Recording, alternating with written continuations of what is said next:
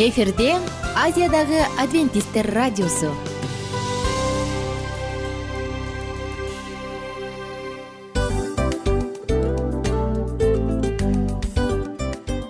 Достор салют.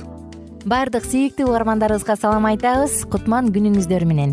Ден соолук өмүрдүн булагы демекчи саламат саамы программасында баарыңыздарды көргөнүбүзгө абдан кубанычтабыз. Анда алгач амандашып өтөлү арбаңыздар деп. Ден соолугуңуздар кандай элибизде көбүнчө ден соолук кандай дегенде эле жакшы деп жооп беребиз э? ооруп турсак дагы жакшы дейбиз. Анан мен муну айтып ойлойт элем бул абдан сонун сөз депчи анткени бул жакшы деген үмүт да э ооба баары жакшы болот. Баары сонун. Деп үмүттөнүп атып эле өзүбүздү өзүбүз дарылап коебуз. Анысы кандай сиздин дагы ден соолугуңуз жакшы беш деген үмүттөбүз чындыгында ден соолук бул өмүрдүн булагы деп бекеринен айтылган эмес деп ойлойм. Кыргыз элинде анткени эгерде ден соолук жок болсо анда адамдын жашоосунда калган баардык керектүү маңыздуу нерселер өзүнүн баалуулугун жоготуп коет. Ошондуктан ден соолук бул эң керектүү нерсе. Ооба туура айтасың кесиптешим. Чынында ден соолугуң жок бир эки үч күн ооруп калсаң эле э кандай болуп калат? Жашоодо көз каранды болуп каласың көп нерсеге жетишпей каласың көп нерсени кыла албай каласың жада калса эшикке дүкөнгө да чыга албай каласың. Туптуура анан ден соолук болсо демек биз биздин бактыбыз тотой деп койсок болот. Анда достор саламат саамы рубрикабызды баштайлы. Алдыда өзүңүзгө керектүү болгон сонун кеңештерди уга аласыздар. Мына ошондуктан биз менен бирге болуңуздар. Ал эми биз болсо милан жана айнура. Кеттик алга. Алга саламат саама ден соолуктун жарчысы. Саламат саама ден соолуктун ачкычы. Күн сайын сиз үчүн мыкты кеңештер сонун жаңылыктар кызыктуу фактылар. Биздин рубрикада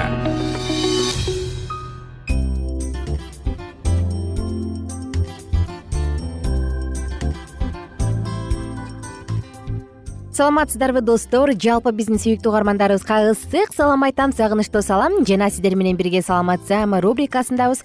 Бул радио түрмөктө баарыңыздарга белгилүү болгондой биз жалаң гана ден соолук жаатына көңүл бурат эмеспизби мына. Ошондуктан бүгүнкү уктуруубуз дагы сиздер үчүн жана бүгүн дагы ден соолуктун камын көрөбүз. Достор анда эмесе темабыз. Табарсык ооруларын табигый каражаттар менен дарылоо деп аталат. Чындыгында табарсык оорусу дегенде эле айымдардын көпчүлүгү дароо циститти эстейт болуш керек. Мырзалар болсо заранын кармай албай калганын эстейт болуш керек э? Ооба достор экөө тең туура. Ар бир адамда ар кандай оорулар болот? Инфекциялык жолдор болот кимдир бирөөнүкө кычышат зара кылганда ар кандай дискомфорттук жагдай болот. Айтор мунун баары тең албетте табарсыкка байланыштуу көйгөйлөр. Анда эмесе эгерде табарсык ооруса анда кандай жагдайларды кандай шарттарды колдонуп үй шартында дарыланса болот. Мына ушул жөнүндө алдыда кененирээк сөз кылабыз. Биз менен бирге болуңуз табарсык деген эмне табарсык бул бөйрөктөн келген заараны топтоп чыгаруучу булчуңдуу көңдөй орган. Ал чатка аяк сөөктөрүнүн биригишкен жеринин артында кичине жамбаш көңдөйүнөн орун алган элүү жаштан кийин көбүнчө баягы чатка аяк булчуңдар бошойт дагы анан төмөндөп калат. Жалпысынан табарсыктын сыйымдуулугу орто эсеп менен беш жүздөн жети жүз миллилитрге чейин. Э, жарым литр э табарсык бош учурунда кичине жамбаш көңдөйүндө болуп алды жагынан чатка аяк сөөктөрүнүн биригишкен жерине ал эми арт жагынан аялдарга жатынга эркектерде урук ыйла акчасы кеткен көтөнчү чука тийип турат. Табарсыктын ички бети былжырлуу чел сырты жылмакай чел кабыкча менен капталган. Бул эки кабыкчанын ортосунда табарсыктын булчуң катмары бар ал өз кезегинде үч катмардан турат. Анын сырткы жана ички катмары узартасынан кеткен булчуң талчаларынан турса ортосундагы булчуң тарамдары кыйгачынан жатат. Мына ушундай достор биз жалпы табарсык эмне дегенде бир аз таанышып алсак эми болсо табарсык ооруларын кандай табигый каражаттар менен кандай табигый процедуралар менен дарыласа болот? Келиңиздер ушул жөнүндө сөз кылалы табарсыктын баардык оорусун дарылоодо клюква эң эле эффективдүү дарылануу болуп эсептелет экен элестетиңиз клюква. Бала чакта биз клюкванын ичин ачып уруктарын чачып ойнотчу элек да бир да мындай жейли деген ой да келчү эмес. Азыр ойлоп капманын пайдасын билгенде көп көп жеп алмак экенмин деп атам. Мүмкүн сизде да болсо керек э? Клюква менен негизи ойногонду көпчүлүк балдар жакшы көрөт эмеспи клюква өзүнүн эффективдүүлүгүн көптөгөн дарыларда көптөгөн дарыланууларда профилактикада өзүнүн эффективдүү экендигин далилдей алган.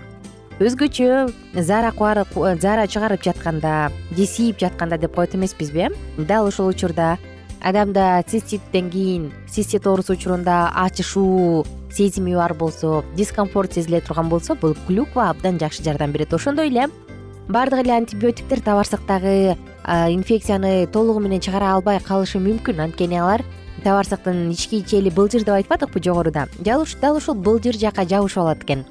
Ал эми мындай учурда болсо албетте адамда дискомфорт учуру пайда болот адамда кыйын учур пайда болот. Мына ошондуктан клюкванын соогун иче турган болсо ал табарсыктын капталдарындагы былжыр челинде дагы инфекция бар болсо анын баарын чыгарат экен.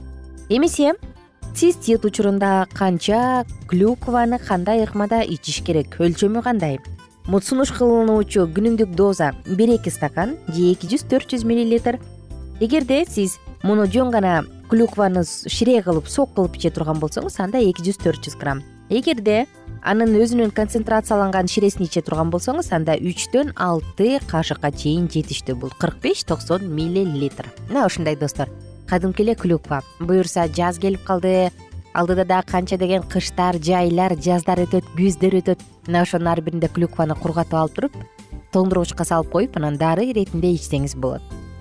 Эгерде адам кош бойлуу боло турган болсо анда торонто университетинин окумуштуулары канададагы алар айткан алар төрт жүз кош бойлуу адам катышкан чоң бир изилдөө жүргүзүшүп анан акырында мындай деген.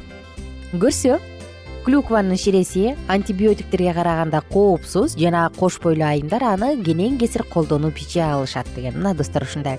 Кош бойлуу кезде адам өтө сезимтал келип баардык организми башкача болуп калат эмеспи мына бул учурда дагы албетте цистит көп болот.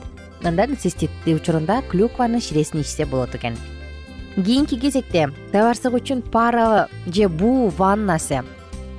Кадимки эле ысык сууну куясыз анан өйдө жака териге суу тийбегендей кылып отурасыз. Буу болсо зарак кылуучу жака табарсыкка акырындан тийгендей болсун. Мына мындай кадимкидей эле ванна буу чыгып турган. Цистит учурунда жана ар кандай табарсык күйгөйлөрүндө жардам берет. Кийинкиси табарсыкка жасалуучу компресс. Таң калат болушуңуз керек бул киндиктин алдына табарсыктын тушуна жасалат. Эгерде адамда бир эле кармалуучу острый деп коет эмеспи курч цистит пайда болсо курч цистит оорутуп жатса зарак кылып жатканда адамды ачыштырып дискомфорт боло турган болсо анда сиз ысык компресс жасасаңыз болот. Ал эми эгерде интерсистиалдык цистит бар болсо адамда тагыраак айтканда өнөкөт цистит болсо анда бул учурда тескерисинче муздак компресс жардам берет. Дагы бир жолу айтайын. Курч циститте ысык компресс жасасак тескерисинче өнөкөт циститте тескерисинче муздак компресс жакшы натыйжа берет. Мында суунун температурасы ысык жасай турганда кырк эки градус цельсий болушу керек. Ондон он беш мүнөткө чейин жасасаңыз жетиштүү. Процедурадан соң абдан жакшылап сүртүнүп жылуу кийиниш керек. Мындай процедураны күнүнө бирден үч жолуга чейин жасасаңыз болот. Өзгөчө бизде апаларыбыз жакшы билет э цистит болуп атканда кычышып атат деп ар кандай бир өзүң бир даттана турган болсоң анда апалар ысык сууну коюп туруп мына буга отур деп коет. Албетте ысык суу болгондо дагы күйүп калбагандай болуш керек. Тери териге коопсуз болушу керек. Аны эске салыңыз. Кимдир бирөө ал жака сода кошот кимдир бирөө дары кошуп коет. Айтор мунун баардыгы албетте доктурдун кеңешинен кийин гана жасалышы зарыл. Достор бүгүн сиздер менен табарсык ооруларын кантип табигый каражаттар менен дарыласа болот? Мына ушул жөнүндө сөз кылдык. Клюкваны сиздерге сунуштадык. Андан тышкары буу ваннасын компрессти жана ошондой эле жөнөкөй гана иммунитетти көтөрүп бутуңузду жылуу алып жүрүңүз деп айтмакчыбыз акырындап. Аты жөнүм айнура миназарова жалпыңыздар менен коштошом жана алдыңкы уктуруулардан кайрадан амандашканча салам деп айтканча сак саламатта туруңуздар.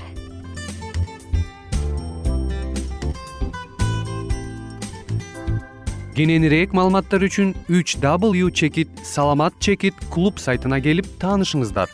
Жана андан тышкары социалдык тармактарда youtube facebook жана instagram баракчаларына катталыңыз.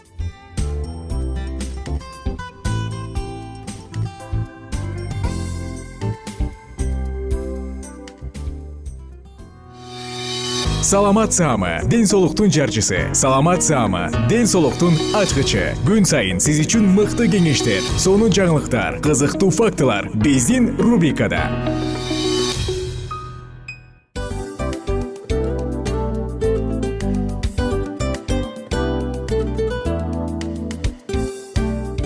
салам достор. Кайрадан биздин сүйүктүү рубрикабызга кош келиңиздер деп айтмакчыбыз.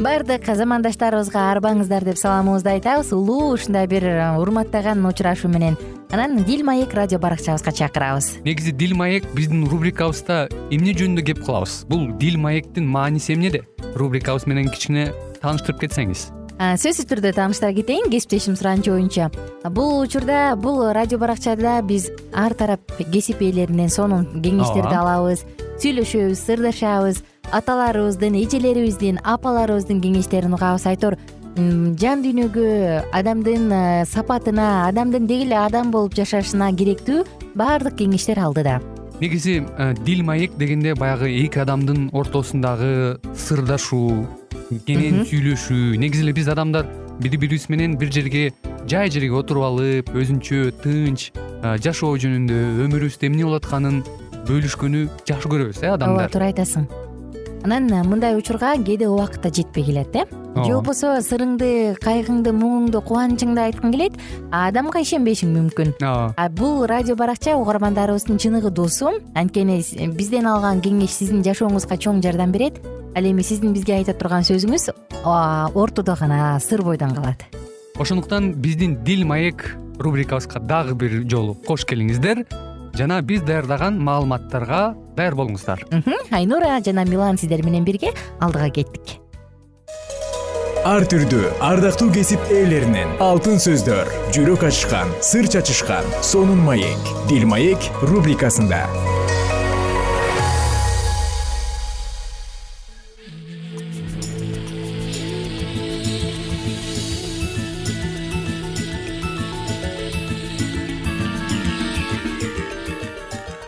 кутмандуу күнүңүздөр менен кымбаттуу радио угармандарыбыз кайрадан эле биз сиздер менен кыргыз элибиздин каада салттары жана үрп адаттары туурасындагы программабызды баштайбыз. Анда эмесе дал ошол мүнөттөрдө биздин ободон алыстабай биз менен биргеликте болуңуз.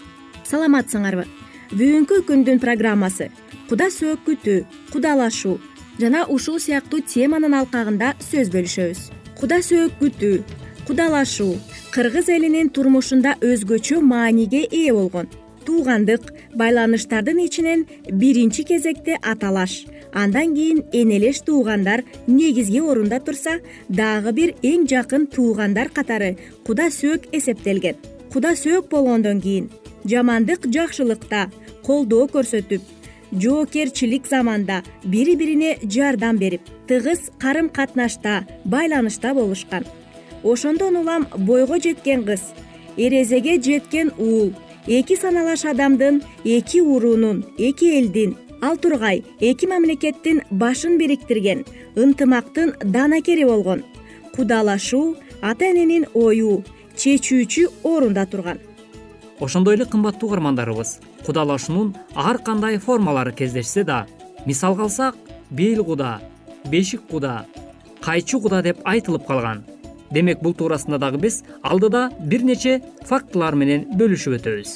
Кудалашуунун эң орчундуусу жана кеңири таралган түрү балдардын биологиялык психологиялык жактан калыптануу мезгилине туш келет. Албетте ата энелер балдары бой тартканга чейин кыз тараптагыларды иликтеп көз салышып байкашып чарбалык даярдыктарын көрө билишкен бойго жеткен балага кыз тандоо көп учурларда кыз оюндарда түнкү оюндарда болгон. Мына ошол жерлерде көңүлдөрү бири бирине төп келишип көпчүлүк жаштар табышкан. Үйлөнүү үлпөттүү көп кырдуу ырым жырым жөрөлгөлөрдөн туруп максаты болочоктогу үй бүлөнүн түбөлүктүү болушуна шарт түзүү болгон. Кудалашуу салтында дагы мындай ыкмаларды колдонуп келишкен. Шартына жараша көңүлүнө толуп жактырышкан эки жашты баш коштуруу максатында кыздын жерине жуучу жиберүү салтын колдонуп келишкен. Жуучулардан кийин эки жаштын ата энеси салтанаттуу түрдө кудалашууга макулдашышкан. Кудалашкандан кийин эки тарап тойго камылга көрүп той болгончо бир нече жолу жолугуп той шартын макулдашкан. Күйөөлөп барганга чейин кыз тарап кыздын себин камдап күйөө тарап малын жыйнап кошумча топтоп кииттерин белек бечкектерин камдашкан. Үйлөнүү үлпөттүн биринчи бөлүгү күйөөлөө күйөөлөп баруу ата бабаларыбыздын эң эски салттарынын бири. Жигит ата энеси жеңелери жолдошу менен барат. Күйөө кызды алып кетүүгө кыздын үйүнө түшкөн күндөн баштап кыз узатууга арналган ар кандай оюн тамаша ырым жырымдар башталган. Кыздын жеңелери ар кандай шылтоолорду айтышып күйөө тараптан ар кандай белек бечкектерди алышкан. Жеңкетай алуу эшик ачар көшөгө ачар бет ачар төшөк салар бут тартар сыяктуу ар кандай ырым жырымдарды жасоо менен той салтанаты ого бетер шаңдуу өткөн ошондой эле эки жаштуу үйлөнтүү максатында кудалашуу салтынын дагы бир өзгөчөлүгү болуп бул куржун сөгүү деген салтын дагы аткарып келишкен. Ишке ашырылып андагы ар кандай белек бечкектер кийим кечектер тиешелүү адамдарга таркатылган. Ошентип үйлөнүү үлпөт тоюндагы келген кешикти ал кешикти ата энеге ооз тийгизүү менен алардын ак батасын алышкан. Андан соң жаштардын тили тең туштары аяштары жана күйөө жолдоштору жеңелеринин жол бошотуусу менен ар кандай оюн зокторду башташкан. Эки жашка арналган улак союлуп анын өпкөсү садака чабылган.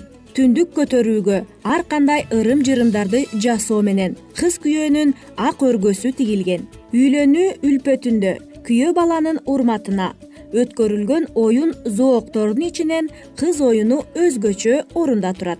Кыз оюну деген бул жаштыктын толкуп турган деңизи алыска сапар алуучу кемеси келечек тагдыры үчүн бүлбүлдөгөн кыял үмүтү кыз оюну деген бул ар кимдин уялап жүргөн сезимин билдирүүнүн эң оңтойлуу да жооптуу да жолу. Кыз оюну кыз жигитке данакер шылтоо дейт ошондуктан оюнга кыз оюнун көрүүгө ашыккан дилгирленген айылдагы селкилер жигиттер чогулушуп кыз оюну шаңдуу өткөн жаштардын оюн зооктору тойго өзгөчө көрк берип айрым жаш селкилердин бойго жеткен бозойлордун сезим отун жандырып алардын келечегинде жарык нурун чачкан. Ошондой эле кыргыз элинин кудалашуу салтынын дагы бир өзгөчөлүгүнө бул нерселер дагы кирген. Кыз узатуу аземи аяктаган кезде кыздын ата энеси туугандары менен коштошкон. Жеңеси энеси жана эжелери кошок кошуп узатышкан. Жеңеси менен кыз бири бирине ынак болгондуктан. Андыктан кызды узатууда жеңенин ролу өтө чоң болгон десек болот. Кыз менен жеңенин көрүшкөндүгү ырларда да элдик ооз эки чыгармачылыкта да бир нече варианттар менен кездешип келет. Кайнатаңдын эшиги чаап койгон тактадай. Өз атаңдын эшиги сабап койгон пахтадай. Ак учук бердим саптап ал кудагый ак шумкар бердим таптап ал. Көк учук бердим саптап ал. Кудагый көк шумкар бердим таптап ал деп кызды кайненеге табыштап андан кийин кете турган кызды өз акыл насаатынан кур калтырган эмес. Мына ошентип жеңелер кыз узатуу салтында дагы өзгөчө мааниге ээ болуп келишкен. Мындай көрүшүү ырларында маанисинде жаш келиндин келечегине тынчсыздануу ага акыл насаатын айтып барган жеринен бак айтып ырыскы шерик бүлөө болсун деген үндөштүк бар. Эненин да эженин да жеңенин да тилеги ошол. Андан ары келин тою күйөөнүн айылында өткөн.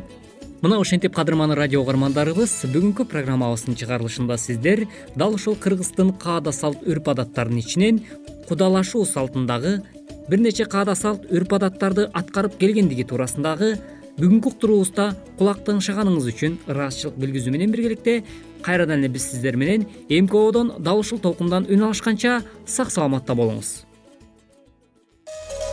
Ар түрдүү ардактуу кесип ээлеринен алтын сөздөр жүрөк ачышкан сыр чачышкан сонун маек дил маек рубрикасында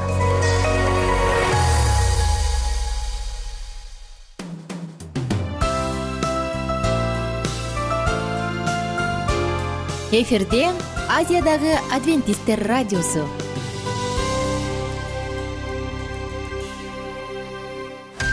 Жан дүйнөңдү байыткан жүрөгүңдү азыктанткан жашооңо маңыз тартуулаган жан азык рубрикасы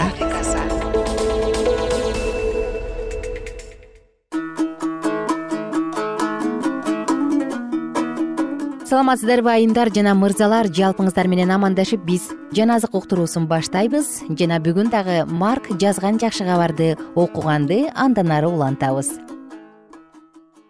Марк жазган жакшы кабар үчүнчү бөлүм. Он үчүнчү аяттан аруланталы андан кийин ал тоого чыкты да өзү кимдерди кааласа ошолорду өзүнө чакырды. Алар ыйсага келишти.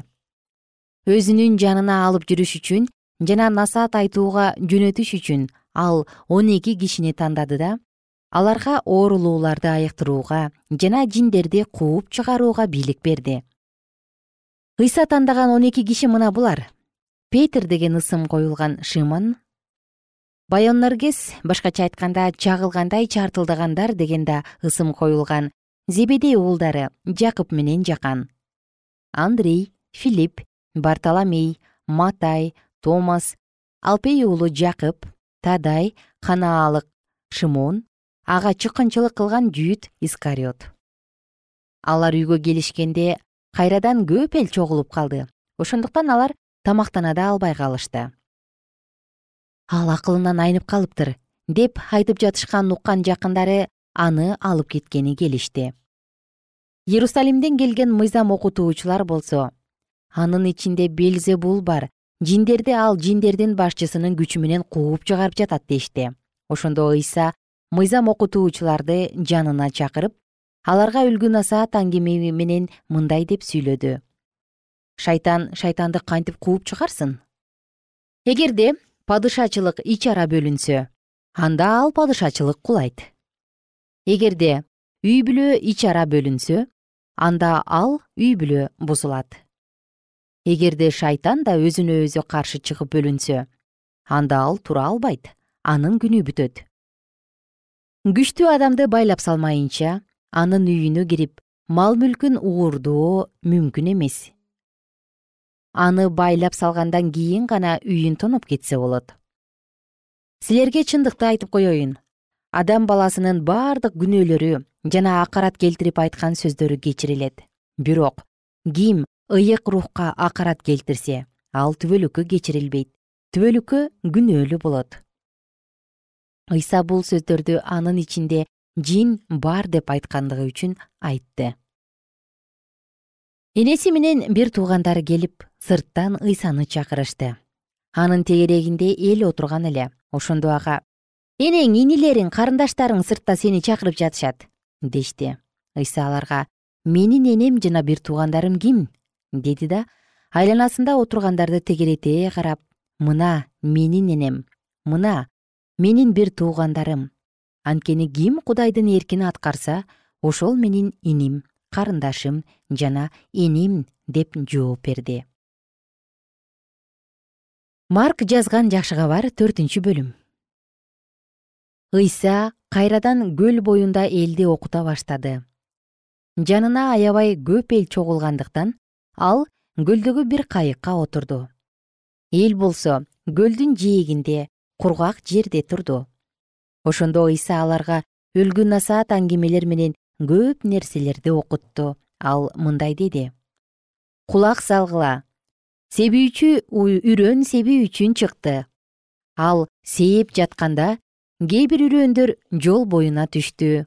Ошондо канаттуулар учуп келип аларды терип жеп кетишти кээ бир үрөндөр топурагы аз таштак жерге түштү.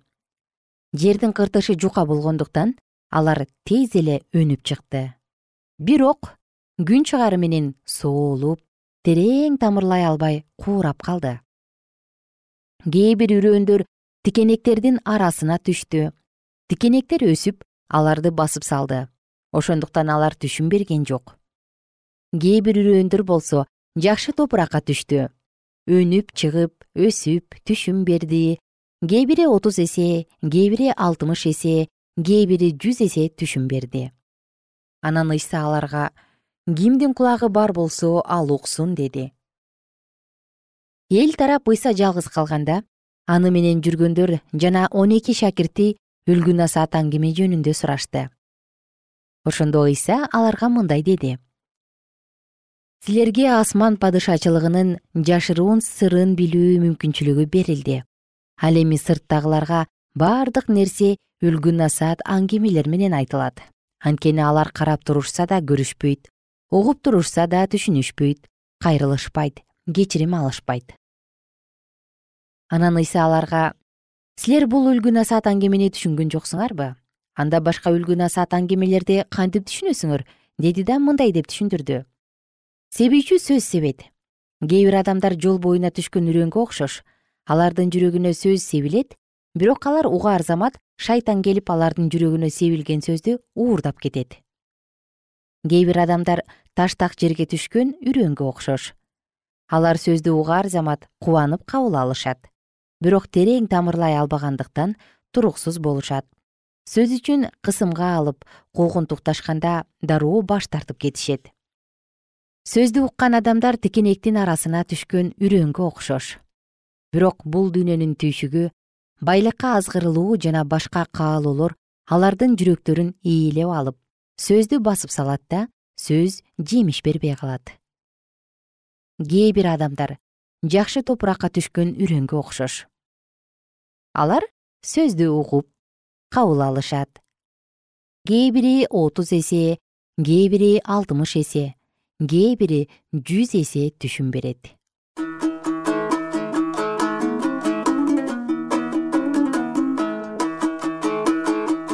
Кымбаттуу достор ардактуу угармандар бүгүн дагы сиздер менен бирге марк жазган жакшы кабардан биз бир нече аяттарды окуп өттүк. Чындыгында жараткандын сөзү жараткандын ырайымы кудайдын сөзү адамдардын жүрөгүнө дайыма себилип келет мына. Бул мүнөттөрдө дагы сиз жараткандын сөзүн уктуңуз бирок ушул жөн гана угулуп гана калбастан кайрадан артынан көп эсе жемиш бере тургандай эң жакшы жерге себилсе экен. Жүрөктөр катууланбасын жүрөгүбүздө дайым жараткандын ырайымы болсун.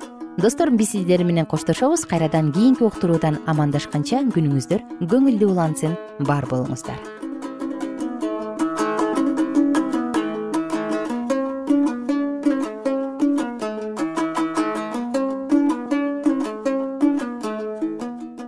эгер сиздерде суроолор болсо же көбүрөөк маалымат билем десеңиз анда биздин whatsapp номерибизге жазыңыз.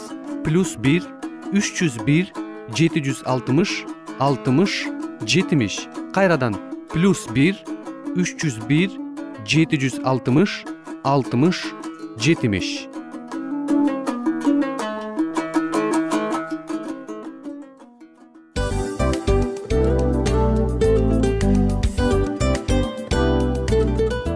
мына ушинтип убакыт дагы тез өтүп кетет экен биз дагы радио уктуруубуздун аягына келип жеттик. Келип кубандырдыңар эми кетип кубандыргыла деп тамашалап калышат эмеспи анысы кандай? Радио баракчабызды программабызды азыр эле баштап аткандай болдук элек мына соңуна келдик э? Негизи убакыт э, билинбей өтүп кетет экен? Мен дагы э, убакыт дегенде бүгүн бир адам менен сүйлөшүп калдым. Анан убакыт бул мүмкүнчүлүк деп айтып өзүмө өзүм айтып алып анан мага өзүмө эле кайра ачылыш болду да чын эле э Э, карап отурсаң ошол эле жыйырма төрт саат ошол эле жарым саат кайталанып атат. Бирок сендеги мүмкүнчүлүк жок ошол кой берилип кетти? Анысы кандай? Бүгүнкү сонун убактыңызды алтындай болгон жарым саатыңызды бизге бөлүп арнаганыңыз үчүн ыраазычылык айтабыз анан жашооңуздун кайсы бир сферасын өзгөртө турган сонун пайдалуу кеңеш алган болсоңуз анда биз максатыбызга жеттик. Анан ушул нерсени кылбасам десеңиз ошол өзгөрүүлөрдү кичинекей кадамдардан баштап иш жүзүнө ашырыңыз дагы жашооңузда чоң чоң ийгиликтерге жетиңиздер. Чын жүрөктөн ар бир берилген кеңештер сөздөр сиздерге пайдасын алып келет деп ишенебиз. Жана кийинки уктурууларда сөзсүз түрдө чыдамсыздык менен сиздерди күтөбүз сагынычтуу салам айтып кайрадан дал ушул жыштыктан баардыгыңыздарды тосуп алганча кызматта мен айнура жана кесиптешим милан. Анда кол пул каалайбыз жалпыңыздарга ийгиликтүү күн. Саламатта калыңыздар